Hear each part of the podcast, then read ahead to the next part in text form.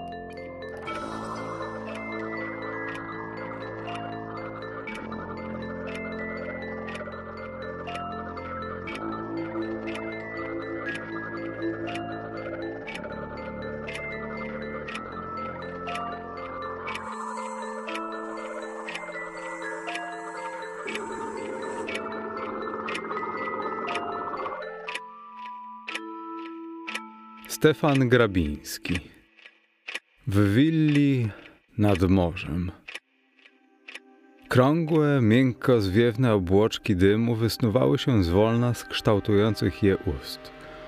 Położyły w karbowanych falisto pierścieniach i roztapiały na lazurowym tle nieba. Cygara były wyborne.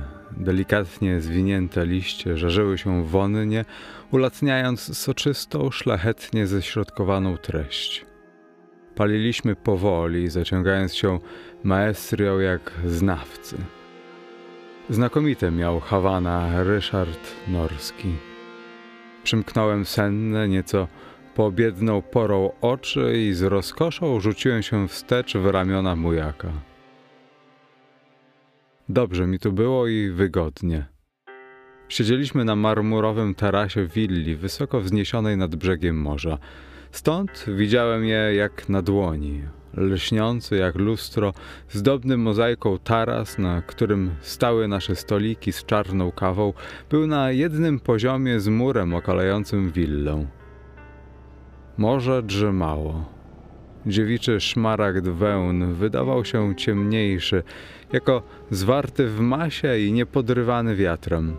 Od czasu do czasu leniwy odruch roztoczy wspinał się pluszczącą pieszczotą na brzeżne załomy i spłukawszy skały, powracał bezwładnie w łożysko.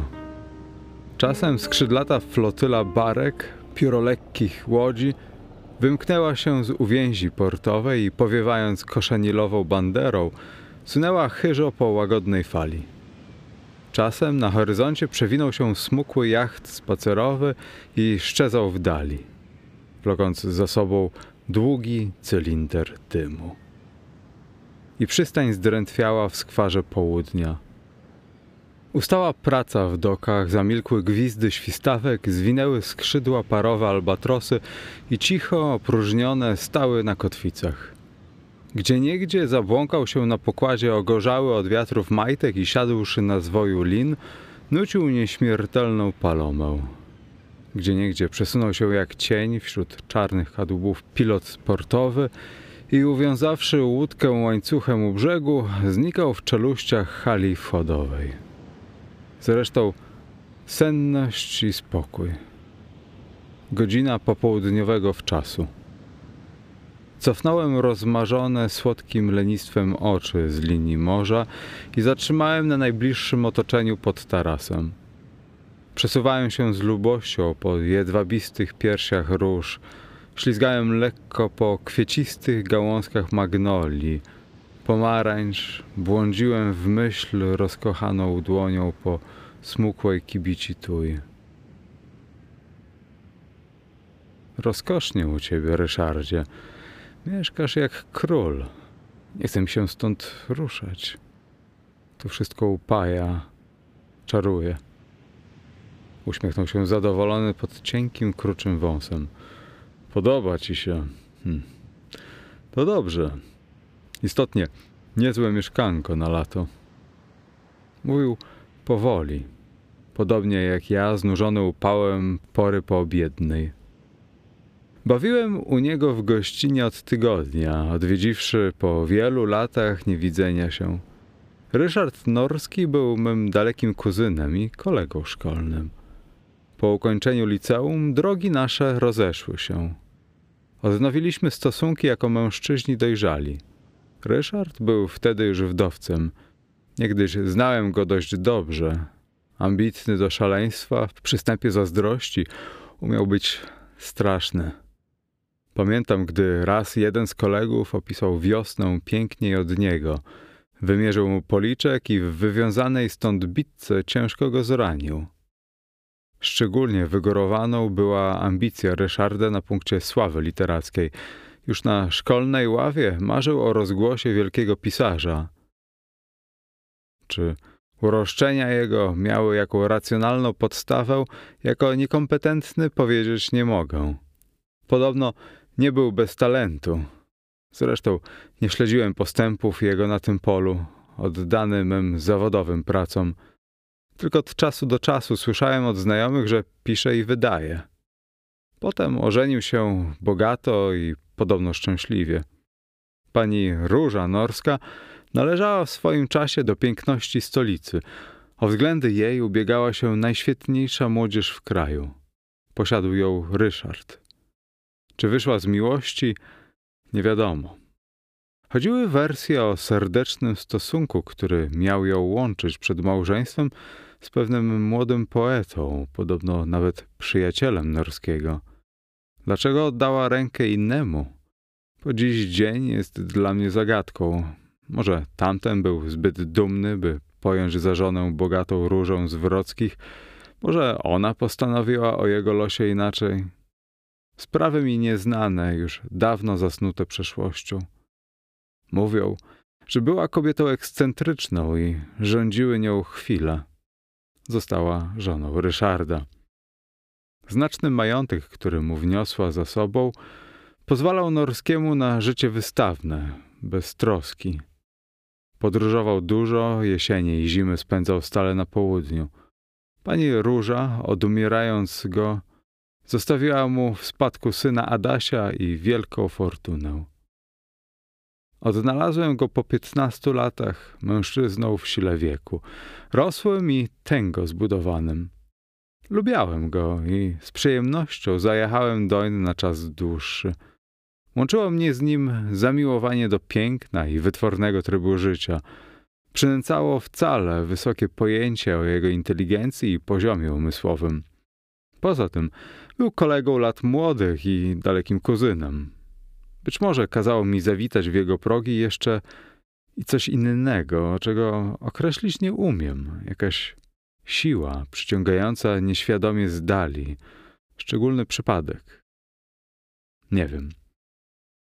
Przytknął do soczystych, pąsowych warg czarkę z czarną kawą i wychyliwszy do połowy, wyjął ze srebrnego puzdra świeże cygaro.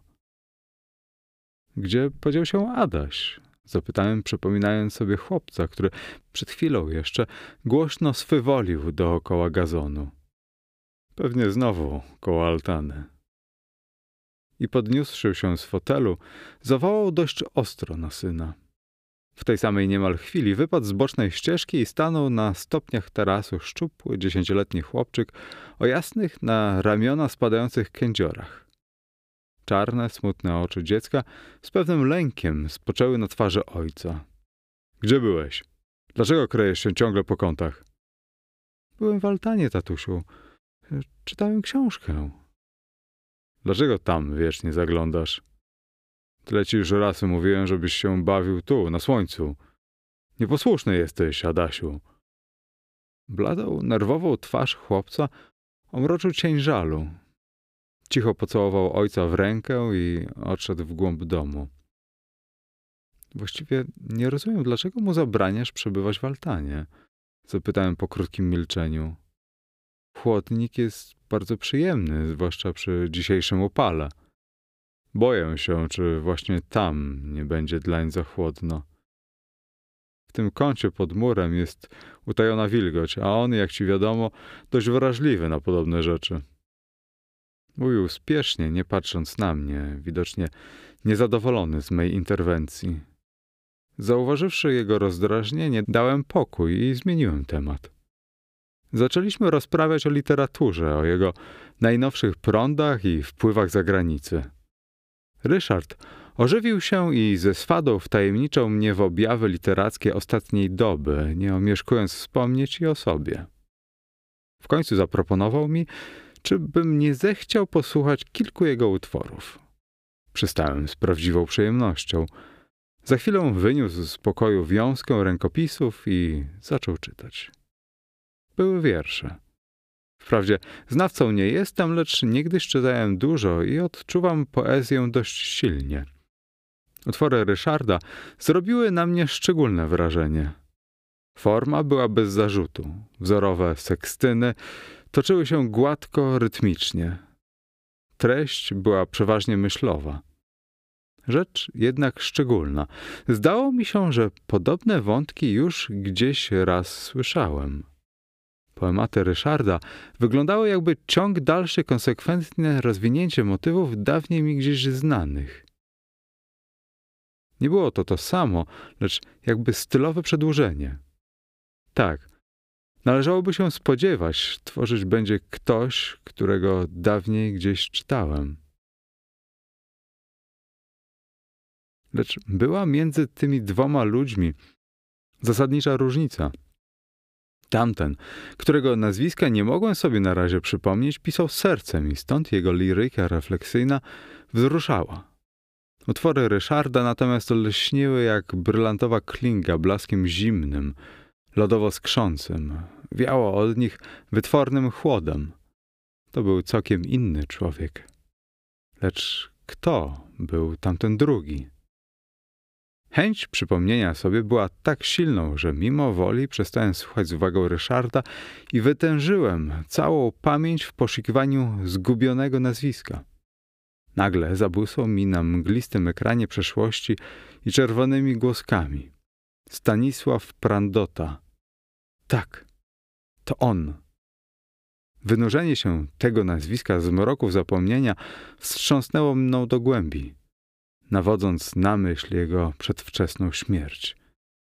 Prandotę poznałem niegdyś osobiście za pośrednictwem Ryszarda, z którym łączyły go rzekomo stosunki przyjazne. Subtelny, pełen wysokiej kultury umysł młodzieńca zadziwiał mnie już wtedy i kazał rokować piękne nadzieje. Umiał przedziwnie pogodzić skłonność do refleksji filozoficznej z głęboką, serdeczną uczuciowością, która przeglądała z oczu przepojonych cichą melancholią. Po raz ostatni widziałem go przed laty u Ryszarda, w dzień mego rozstania z kuzynem. Potem nie spotkaliśmy się już więcej w życiu. Przed miesiącem miał zatonąć podczas burzy na jaskółce parowcu, którym odbywał podróż ku brzegom południowej Ameryki. W liście pasażerów pozostawiony przez kapitana statku w porcie umieszczono na czele jego nazwisko. Wprawdzie, jak donosiły później dzienniki, parę osób nie zgłosiło się w porę na pokład odjeżdżającej jaskółki, lecz nazwisk nie podano. W każdym razie odtąd nikt nigdzie Prandoty nie widział. Bardzo wtedy prawdopodobnym, prawie pewnym było przypuszczenie, że zginął na morzu podczas nawałnicy. Tak też zgodnie powtarzały wszystkie pisma. Zginął młodo, wzbudzając powszechny żal u tych, co umieli ocenić tkwiące w jego początkowych utworach zarodki pierwszorzędnego talentu. Sam nie wiem, jak się stało, że o tym tragicznym zgonie dotąd z Ryszardem nie zamieniłem ani słowa. A przecież od niego powinien był usłyszeć niejedno o Prandocie, zwłaszcza, że wsiadł na statek właśnie w tutejszym porcie zabytności norskiego. Korzystając wtedy z krótkiej przerwy w czytaniu, zwróciłem się do Ryszarda z pytaniem. Kiedy widziałeś się z Prandotą po raz ostatni? Czy nie wkrótce przed katastrofą? Podobno odbijał od tutejszego brzegu. Norski Oderwał gwałtownie oczy od rękopisu i wlepił je we mnie ze szczególnym wyrazem. Pytanie widocznie zaskoczyło go znienacka i w pierwszej chwili nie zrozumiał skąd się wzięło, lecz niebawem znać zorientował się i wtedy na moment pojawiły się na tej marmurowej twarzy jakieś dziwne, zagadkowe błyski. Co miały oznaczać te dzikie linie sfałdowanych nagle mięśni, jakie należało im podłożyć odpowiedniki uczuciowe? Trudno mi było określić, lecz trwało to tylko przez nieuchwytnie małą chwilę. Olbrzymim wysiłkiem woli opanował się i wrócił do zwykłej nieprzeniknioności. Przybladł tylko nieco i smutno odparł. Tak, domysł twój trafny istotnie odwiedził mnie przed odjazdem. Nawet przerwał, jakby namyślając się, czy należy dokończyć w zaczętym sensie. Lecz wkrótce wahanie ustąpiło i niemal wyzywająco odpowiedział. Nawet nie uwierzysz. Wpadł tutaj na godzinę przed wstąpieniem na statek. Zjedliśmy obaj lekki obiad, po czym odprowadziłem go do portu. Biedny chłopak. Tak było do twarzy w małym szafirowym kepi, które włożył fantazyjnie do podróży. Ostatnie słowa brzmiały trochę dziwnie. Chyba piękne kepi nie stanowiło naczelnej ozdoby prandoty. To też nie mogłem wstrzymać się od podkreślenia tego, o co chodziło. Strata niepowetowana. Jestem najgłębiej przekonany, że w tym jednookim, dobrym dziecku pewnego dnia objawiłby się pierwszorzędny lirych. Co za serdeczność, co za przepastność uczucia. W oczach Ryszarda tlały się jakieś żółte światła. Gdy spostrzegł, że mu się przypatruję, przymknął lekko powieki i wypuszczając gęsty kłąb dymu, wycedził spokojnie. Być może. Zdaje mi się jednak, że przesadzasz. Chociaż był moim druhem od serca, nigdy zbyt wysoko nie stawiałem jego talentu. Był trochę za sentymentalny. Czy nie miałbyś ochoty przejść się trochę przed zachodem po plaży? Pora przecudna. Do kolacji mamy jeszcze sporo czasu.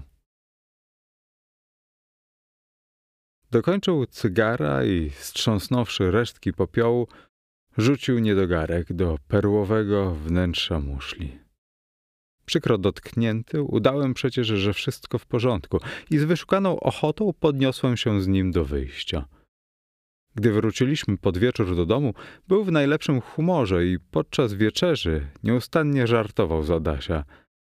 A jednak zauważyłem, że od czasu do czasu cień przelotny przesunął się po jego pięknej męskiej twarzy i parę razy pochwyciłem wzrok spoczywający na mnie ze szczególną uwagą. Od owego popołudnia minęło parę tygodni. Na pozór nic się nie zmieniło w mym stosunku do Ryszarda, z którym jak dawniej prowadziłem długie rozmowy, odbywałem wspólne przechadzki i przejażdżki po morzu. A jednak czuliśmy obaj, że coś zaszło, że jakiś cień padł klinem pomiędzy nas i rozdziela coraz silniej. Czując to, właściwie należało mi pożegnać go i opuścić willę. Jeżeli tego nie uczyniłem, to chyba dzięki specjalnemu zwarciu się z tym człowiekiem, który od dłuższego czasu był dla mnie zagadką trudną do rozwiązania. Jemu widocznie ciążyła moja obecność we willi.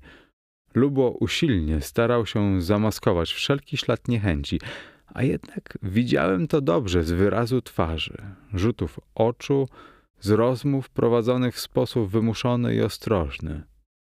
W ogóle Norski sposępniał i zmienił się w tych ostatnich czasach bardzo. Często się zamyślał nad czymś głęboko. Na pytanie odpowiadał niechętnie, unikał stale pewnych tematów. I tak od pamiętnego dnia nie mówiliśmy ani razu o świętej pamięci Prandocie. Podobnie nie poruszyliśmy odtąd zgoła kwestii literackich. Gdy przypadkiem zwracałem konwersację na zmierzające ku temu tory, zręcznie przechodził do rzeczy luźnie, tylko z literaturą związanych, po czym oddalał się skwapliwie, coraz to bardziej od drażliwego punktu. Zresztą banalność naszych dialogów wetowała mi wspaniała biblioteka gospodarza, która w każdej porze stała przede mną otworem. To też całymi godzinami, zwłaszcza rano, zatapiałem się w lekturę. Jednak rzecz dziwna. Wśród poetów doby ostatniej, reprezentowanych tutaj wcale pokaźnie, nie mogłem znaleźć ani jednego tomiku Prandoty. Mimo to, nie chcąc rozdrażnić Ryszarda, nie zwróciłem na to uwagi. Wśród tego począłem ulegać jakimś specjalnym zmianom, z których zrazu sobie sprawy nie zdawałem, gdyż przejawiały się w sposób raczej zewnętrzny. Ryszard przeciwnie. Zauważył, że coś się ze mną dzieje i to rzecz szczególna, z pewnym niezadowoleniem, a nawet obawą.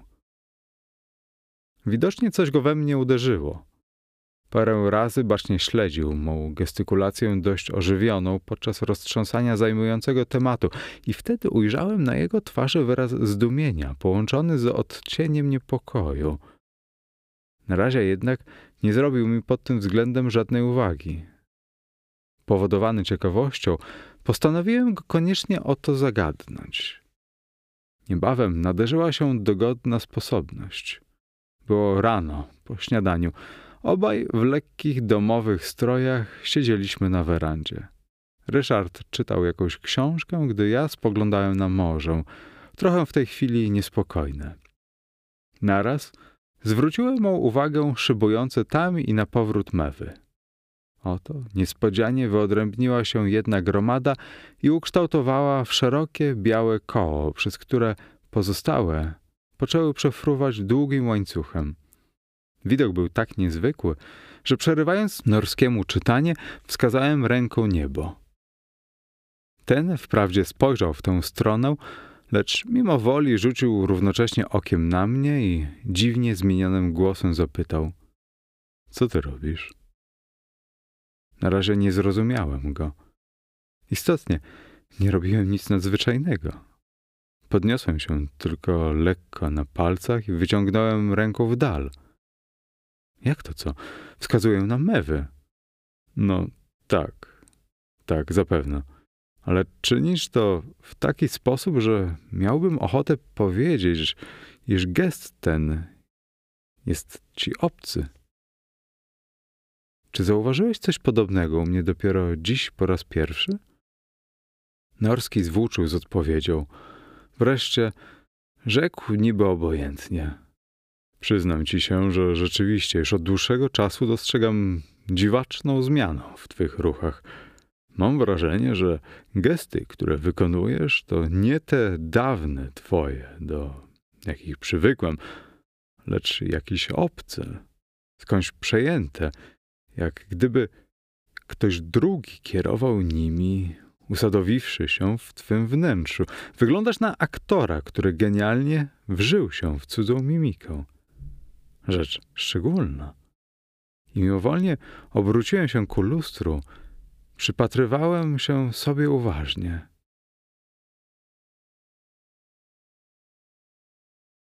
Jeśli się jednak istotnie nie mylisz, bądź pewny, że robię to bezwiednie, odruchowo.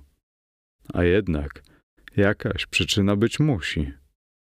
Norski badawczo patrzył mi w oczy. Nie ulega wątpliwości, prawdę mówiąc, zjawisko zaobserwowane przez ciebie na mojej osobie, które nazwałbym ksenomimią, nie jest mi obcym. Śledziłem je u paru osób na klinice, obserwatorium psychologicznym. Można tu w ogóle postawić dwie hipotezy. Ksenomimia może wypływać z prostego zapatrzenia się na drugiego, jako na wzór, i w tej formie występuje bardzo często u dzieci, gdy zmysł naśladownictwa jest tak silnie rozwinięty, że ruchy nabyte tą drogą utrwalają się w późniejszym życiu. Oczywiście, w naszym wypadku nie ma o tym mowy. Zmienione ruchy moje, o ileś mógł zauważyć, nie naśladują ni ciebie, ni Adasia. Zresztą z nikim tutaj od czasu jak przybyłem nie pozostaję w koniecznej do tego bliskiej styczności. Tak, to jasne. Rzeczywiście to nie są ruchy ani moje, ani małego. Przez ciebie, przemawia ktoś inny. Pozostaje więc druga ewentualność. Mianowicie, Ryszard okazywał wysokie zaciekawienie. Najprawdopodobniej wchodzi tu w grę podświadome działanie telepatii. Jak to rozumiesz? Czyżbyś przypuszczał, że ktoś wpływa na ciebie w ten sposób, że każe ci wykonywać ruchy należące do osoby trzeciej lub nawet do samego nadawcy? A może są to gesty przezeń tylko pomyślane, czysto imaginacyjne? Niezupełnie. Lubo jesteś bliskim mej hipotezy. Zasadnicza różnica między nami polega na tym, że ty puszczasz działanie wprost świadome, przedsięwzięte w pewnym celu, gdy ja, przeciwnie, sądzę, iż mamy tu do czynienia z wpływem najzupełniej nieświadomym. Co więcej, jestem głęboko przekonany, że mój nadawca zaprzestałby chętnie swych bezwiednych eksperymentów, gdyby wiedział, jakie mogą pociągnąć za sobą następstwa. Wybacz, lecz nie rozumiem. Jak to? Przecież sądzę, że przy telepatii koniecznym jest świadome siebie i określone pod względem kierunku wytężenie woli czy myśli. Nadający musi wiedzieć, na kogo działa. Niekoniecznie. W takim razie może przejąć depeszę ktokolwiek. Stanowczo nie. Nie ulega bowiem wątpliwości, że między obu stronami wytwarza się uprzednio stosunek bliższy, uwarunkowany obcowaniem, uczuciami, wspólnością myśli, przeżyć. Stąd to nic dziwnego, że niejednokrotnie, bo już przedtem, utorował sobie drogą podatną do przeprowadzenia operacji. Jak więc wyobrażasz sobie działanie telepatii w naszym względzie, w Twoim wypadku? Bardzo prosto. Oto pewne indywiduum myśli o kimś od dłuższego czasu w sposób niezmiernie intensywny. Ów ktoś wypełnia niemal zupełnie jego widnokrąg myślowy, wżerając się niepodzielnie w jego duchową dziedzinę. Rozważa się głęboko jego mowę, ruchy, fizjognomię. Słowem, całą istotą pozwala się opętać całą jaźnią. Przypuśćmy teraz, że ową osobę, która tak wszechwładnie opanowała danego osobnika, zna jeszcze ktoś drugi, ktoś pozostający z opętanym w bliskich stosunkach. A staniemy tuż przed progiem tajemniczej dziedziny telepatii. Opętanie umysłowe zacznie się zwolna, bez świadomego przyczynienia się nadawcy, przenosić na drugiego osobnika i uzewnętrzniać, przykład w naśladowaniu gestów zamyślonego indywiduum. Przestałem na chwilę, trochę znużony wysiłkiem porządkowania mych wywodów i spojrzałem na Norskiego. Widocznie słowa moje podziałały nań silnie, bo oparł zachmurzony nagle czoło na dłoni i utkwił zamyślony wzrok w ziemię. Po chwili wahania zapytał niepewnie. Lecz owo przejęcie się obcą jaźnią musi mieć w takim razie silne zabarwienie uczuciowe. Inaczej nie da się wytłumaczyć ta jego intensywność. Zapewne telepatia działa najsprawniej tam, gdzie wchodzi w grę uczucie. Czy masz na myśli miłość? Niekoniecznie. Sądzę, że potężne wywierać musi skutki też uczucie strachu lub grozy związane z zamyśloną jaźnią. Tak na przykład przypuszczam, mogą działać telepatycznie niektórzy zbrodniarze. Myśli ich, krążące ustawicznie koło nieszczęsnej ofiary, działają prawdopodobnie jak mocne, jadowite wyziewy i przepajają sobą otoczenie, kłębiąc się w dzikich jak wężowisko skrętach. Okropne są myśli zbrodniarzy.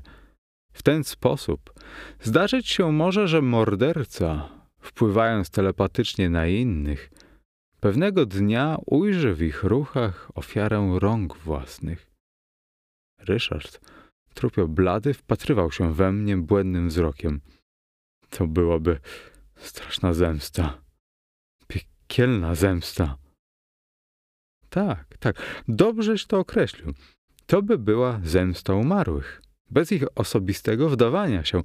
Istotnie, mocne być muszą myśli opętanych i działają potężnie, I tu w całej grozie odsłaniały się otchłanie natury, świadczące w znakach niesamowitych, jak okropną jest dusza człowieka. Gdy domawiałem tych słów, Norski szybko podszedł ku oknu werandy i silnie pchnął je na ogród. Zewnątrz wpadł słony wyziew morza, zmieszany z wonią kwiatów i orzeźwił nam czoła. Trochę tutaj duszno, zauważył. Może zejdziemy między klomby. Owszem, zeszliśmy. Ranek był parny, pochmurny. Szary blask rozlewał się po świecie i nadawał wszystkiemu nijaki wyraz obojętności. Było nam ciężko. Kroki nasze dźwigały się powoli ospale, zapuszczając się w kręte aleje eukaliptusów, okrążając dziwacznie powyginane desenie grządek z kwiatami. Parę razy przejechał obok nas Adaś ze swymi ulubionymi taczkami, z których woził dla zabawy ziemię i piasek po szerokich ścieżkach ogrodu. Zauważyłem pewną regularność w tych wędrówkach. Rozpoczynał jazdę od pagórka, gdzie za pomocą łopatki kopał ziemię i ładował na taczki, przejeżdżał pod domek i znikał z ciężarem między krzakami bzu na przeciwnym krańcu ogrodu, w którym wznosiła się altanka. Widocznie tam wysypywał ziemię, bo wkrótce zjawiał się z próżnymi taczkami i rozpoczynał ekspedycję powtórnie. Zabawa zajmowała go bardzo, bo prawie nas nie zaczepiał, pilnie zajęty pracą.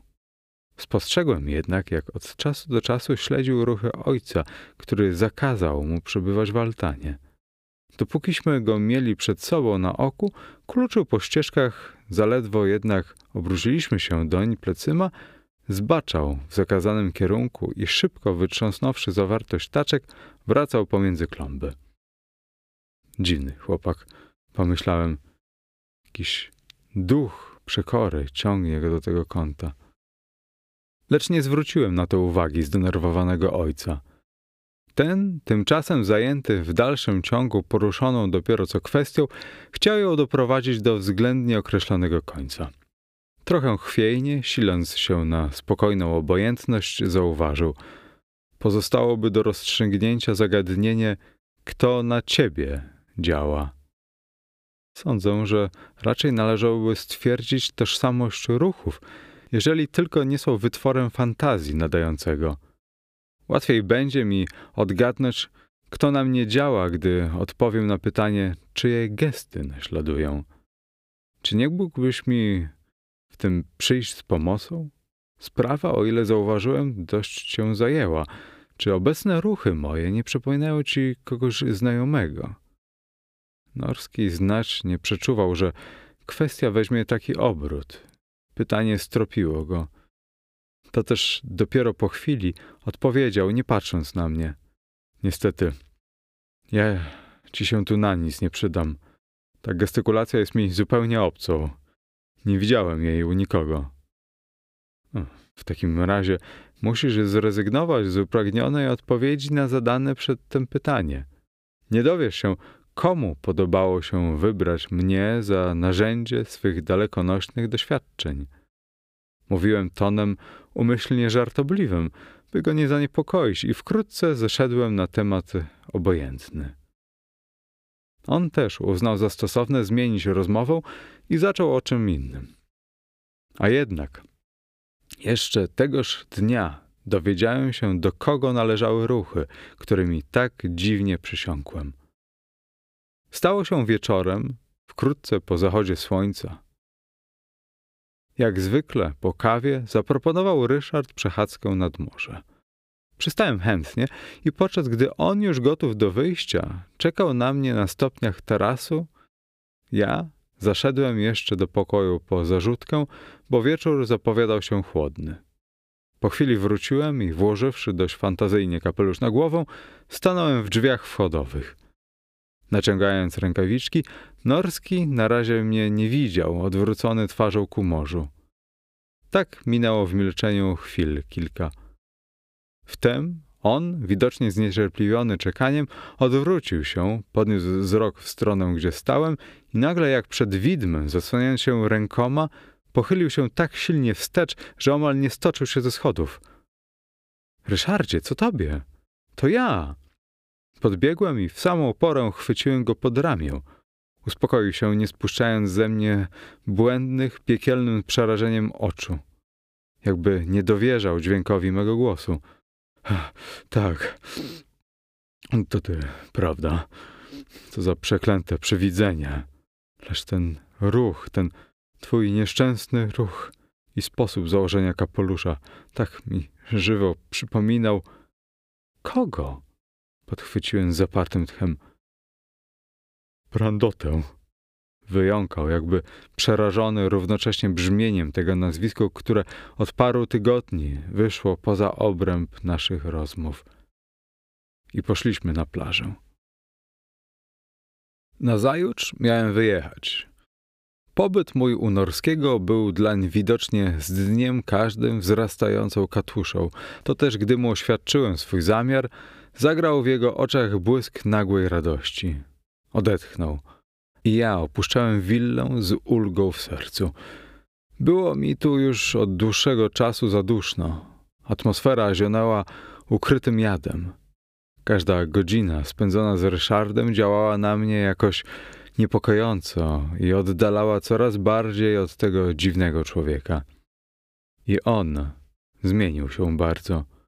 Pobladł, wyżółkł i zestarzał się o lat kilkanaście. Tych parę miesięcy spędzonych razem przekształciło tego energicznego, twardego jak stal mężczyznę do niepoznania. Jeżeli mimo to nie rozstał się ze mną wcześniej, to zrobił to, sądzę, chyba z jakiejś okropnej w swym tragizmie ciekawości rzeczy, które go miały zdruzgotać, połączonej z duchem wewnętrznej przekory, jakby chciał stoczyć ze mną rodzaj pojedynku bez wyzwania, bez słów. Jego dumny, męski charakter, spostrzegłszy, że pod pewnym względem mogą być dlań groźnym, postanowił stawić czoło i wytrwać do końca. A przecież musiał ustąpić i ze źle tajoną radością oczekiwał mego rychłego wyjazdu. Bo gra była ponad ludzkie siły, bo wmieszały się pierwiastki niewspółmierne, nieuchwytne w swej naturze i stąd nieobliczalne. Więc przerażony zaczął się cofać. Żegnał mnie w sposób wytworny, pełen elegancki i dobrego smaku. Jak to zawsze był estetą i dżentelmenem. Pożegnalny obiad był wspaniały. Stół formalnie uginał się od ciast, pulardów, sorbetów i mięsiw. Zastawa stylowa zdradzała wyszukany smak i głęboką kulturę piękna. Miałem wrażenie, że cała dzisiejsza sztuka stosowana znalazła przy tym kwiatami ubranym stole swój pełny, oszołamiający bogactwem i oryginalnością wyraz. Dla mnie clue uczty stanowił pewien rodzaj minogów, za którym przepadałem. Szczególnym trafem dotąd nigdy ich u Norskiego nie jadłem, chociaż i on niegdyś był ich zapalonym amatorem. To też przed odjazdem chciałem koniecznie uraczyć się tym wybornym mięsem, zwłaszcza, że nadarzała się po temu sposobność. Właśnie bowiem przyszedł do portu świeży transport i w mieście literalnie je sobie rozchwytywano. Nic nie mówiąc Ryszardowi, kupiłem parę sztuk i poleciłem przyrządzić w kuchni w przekonaniu, że sprawię mu tym miłą niespodziankę. Lecz jakież było me zdumienie, gdy Norski, spostrzegłszy na półmisku moją ulubioną potrawę, zwrócił się do służącego z zapytaniem, kto kazał ją podać. Wyjaśniłem sprawę natychmiast, przepraszając za samowolne wdzieranie się w zakres praw gospodarza. O ile sobie przypominam, i ty byłeś zwolennikiem minogów. Tak, tak, to prawda lecz od pewnego czasu, dzięki jakiejś idiosynkrazji, nie mogą znieść ich widoku. Ale proszę cię bardzo, nie przeszkadzaj sobie. Należało tylko zwrócić mi uwagę na to, co lubisz. Sam byłbym wydał odpowiednie instrukcje. Co do mnie, pozostanę przy moich homarach. I zręcznie chwycił swą białą, kobiecą ręką szczypce okazałego kraba. Trochę zmieszany, zabrałem się do minogów. Były przyprawione świetnie, pełne korzennej podniety. Na chwilę zapanowało milczenie. Niebawem Ryszard skończył, popił perlistą maderą i otarłszy usta, zapalił papierosa. Zajęty zdzieraniem z ryby delikatnego naskórka, czułem na sobie jego mocny wzrok. Obserwował mnie. Nie podnosząc oczu, włożyłem świeży kawałek do ust i w tej chwili blednąc oddałem go z powrotem na talerz. Co tobie? Niedobrze? Ryszard stał tuż przy mnie i podawał kieliszek z winem. Popi. Dziękuję. Wiesz, miałem w tej chwili szczególną sensację. Zdawało mi się, że ryba jest zatrutą. Norski wbił mi paznokcie w ramię, aż syknąłem z bólu. Oszalałeś? zapytał cały wzburzony. Ależ rozumiem wybornie, że to tylko proste wrażenie, nic więcej. Takie sensacje przychodzą czasem mi stąd, ni zowąd. Zresztą minogi były doskonałe. Brałem już drugą porcję. Było to moment tylko. Jestem gotów jeść dalej. Nie, ja nie pozwolę. Lecz by cię upewnić, sam spróbuję. I wziąwszy z półmiska drugą połowę, począł jeść. Zawstydzony usiłowałem protestować. Ależ ja ci wierzę, Ryszardzie. Nie bądź dzieckiem. Lecz Norski spożył rybę do końca, po czym ponownie zapaliwszy drżącą ręką papierosa, przeprosił mnie i odszedł do sypialni. Wybacz, rzucił na pożegnanie. Jestem trochę zdenerwowany. Przeraziłeś mnie. Adasiu, zostaniesz tymczasem z panem. Istotnie, wyglądał bardzo blady. Zostałem sam z dzieckiem. W jadalni było parno. Wyziewy potraw zmieszane z odurzającą wonią kwiatów wytworzyły atmosferę ciężką i nużącą. Wziąłem za rękę Adasia i przeszliśmy do biblioteki. Chcąc chwil parę pozostać w samotnym skupieniu i porządkować cisnące się gwałtem myśli, wydobyłem z górnej półki kilka ilustrowanych książek i dałem je do oglądania chłopcu. Jakoż niebawem zajął się nimi najzupełniej. Usiadłem na sowce naprzeciw drzwi wchodowych i zamyśliłem się. Poddawałem bocznemu rozbiorowi ową sensację pod koniec obiadu. Że była to rzeczywiście tylko sensacja, nie wątpiłem ani chwili. Kawałek ryby, który miałem w ustach pod względem smaku, nie różnił się niczym od poprzednich, które spożyłem przecież z największym apetytem. Więc chyba autosugestia. Lecz ani mi wtedy przez myśl nie przeszło wyobrażenie trucizny. Nie pozostawało nic innego, jak przyjąć poddanie mi podobnej myśli przez Ryszarda. Tu przypomniał mi się instynktem wyczuty w tym momencie wzrok jego, który spoczywał na mnie. Może wtedy myślał o truciźnie? Kto wie, może między nią a minogami istniał pewien związek? To by tłumaczyło wstręt niespodziewany do ulubionej niegdyś ryby. Może kiedyś w życiu był świadkiem podobnego zdarzenia, które mu głęboko tkwiło w pamięci? Zmęczony, podniosłem z zadumy czoło i spotkałem się z czarnymi jak aksamit oczyma dziecka. Był zupełnie podobny do matki, którą znałem tylko z portretu zawieszonego w salonie. Szczególnie fascynująco musiały działać jej duże, czarne oczy, pełne niewysłowionej słodyczy i głębi wyrazu. Podobnie w kraju, zanim wyszła za mąż, budziła wszędzie podziw i zazdrość. Była przedmiotem pragnień wielu i powodem kilku gorących afer. Mówiono nawet, że ową tajemniczą nieznajomą, której wdzięki opiewał tak wytwornie w swych sonetach Stanisław Prandota, nie był nikt inny, tylko Róża z Wrockich. Adaś miał te same namiętnie palące oczy i białą jak alabaster cerę twarzy, tak bardzo podnoszącą ich wyraz.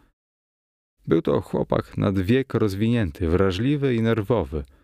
Lubiał zadawać czasem pytania dziwaczne, rozmawiać o rzeczach przykrych, dziwnie nieharmonizujących z pogodą lat dziecięcych. I teraz miał w twarzy taki wyraz, jakby mi się chciał zwierzyć z czymś ważnym. Ośmieliłem go, przyciągając łagodnie ku sobie. Siadł mi na kolana i z miną tajemniczą wydobył z bocznej kieszonki jakiś drobny, świecący przedmiot. Chcąc mnie snać zaciekawić, trzymał go w zamkniętej dłoni i patrzył na mnie w zagadkowy sposób. No pokaż, cóż to takiego? Chłopak ociągał się. Pokażę, jeśli pan da słowo, że nie powie nic tatusiowi. Zapewniłem uroczyście. Wtedy otworzył rękę i na dłoni ujrzałem mały złoty medalion.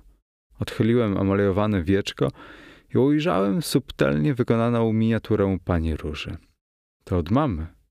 Chłopak poruszył przecząco głową. Więc od kogo? Proszę zgadnąć. Nie potrafię. Od pana Stacha. Pocisnął sprężynkę. Miniatura odchyliła się i pod nią przeczytałem wyryte na złotym tle słowa synkowi róży Stach. Opanowało mnie dziwne uczucie. Tajemnica Adasia wstrząsnęła mną do głębi, wywołując błyski niespodziewanych myśli. Prandota kochał żonę Norskiego. Może Adaś... Wstrzymałem bieg myśli szalonej i zwróciłem się do chłopca. Kiedy dał ci to pan Stach? Dzień przed odjazdem. Pocałował mnie w czoło i kazał nosić na piersiach. Był wtedy tak smutny, tak bardzo smutny. Jutro miał wyjechać, nawet nie mogłem się z nim pożegnać. Dlaczego? Nazajutrz rano, zanim do nas przyszedł na pożegnanie, zabrał mnie ze sobą pan guwerner i pojechaliśmy na cały dzień na wieś. Gdyśmy wieczorem wrócili, pana Stacha już w domu nie było. Biedny pan Stach. Dlaczego? Przecież go kiedyś zobaczysz. Udawałem, że nic nie wiem o zgonie Prandoty, wiedząc na pewno, że ani ojciec, ani żaden z domowników nic o tym chłopcu nie wspominał. Lecz dziecko potrząsnęło smutno głową. Pan Stach już więcej nie wróci. Kto ci to powiedział? I mamusia już nie wróci. To szczególne zestawienie upewniło mnie, że Adaś dziwnym, niektórym nerwowym dzieciom właściwym instynktem odgadł śmierć ukochanego człowieka. Więc zamilkłem, lecz on miał mi widocznie jeszcze coś ważniejszego do zwierzenia, bo ująwszy mą rękę, pociągnął mnie w ogród. Coś panu jeszcze pokażę. Prowadził w odległy kąt, dokąd zaglądałem rzadko ze względu na Ryszarda, który unikał tej partii.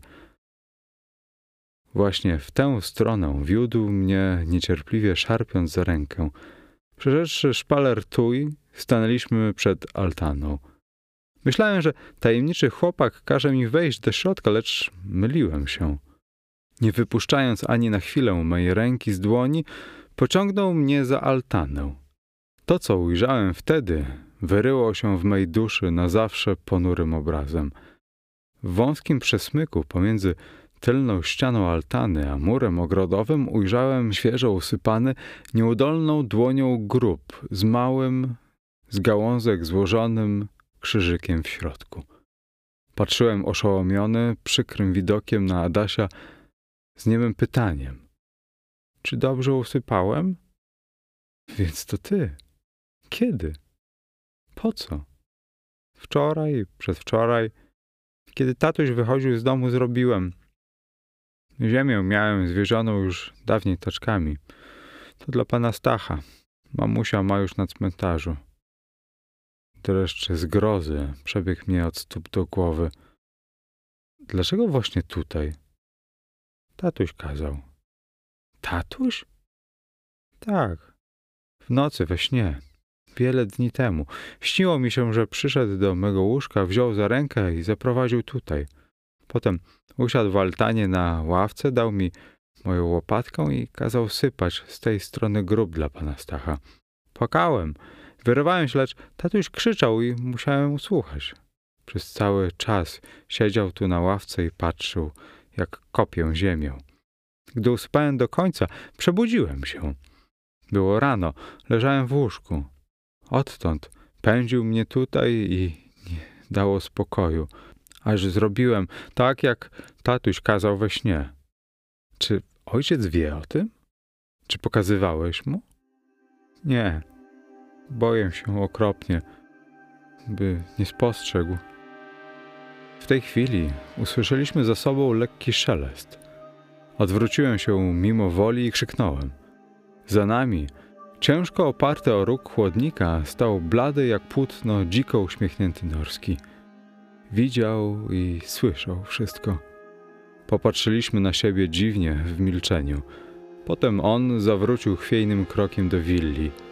Długi czas stałem bez słowa na tym samym miejscu, kurczowo ściskając rączkę Adasia. Wreszcie obudził mnie z drętwoty dojmujący krzyk mewy. Otrząsłem się i spojrzawszy zdumiony na wpatrzonego we mnie chłopca, rzekłem: Chodźmy. I wróciliśmy do mieszkania. Tego wieczora nie było wspólnej kolacji. Adaś zasnął wcześnie w swym pokoiku. Ryszard usunął się samotnie na prawe skrzydło domu.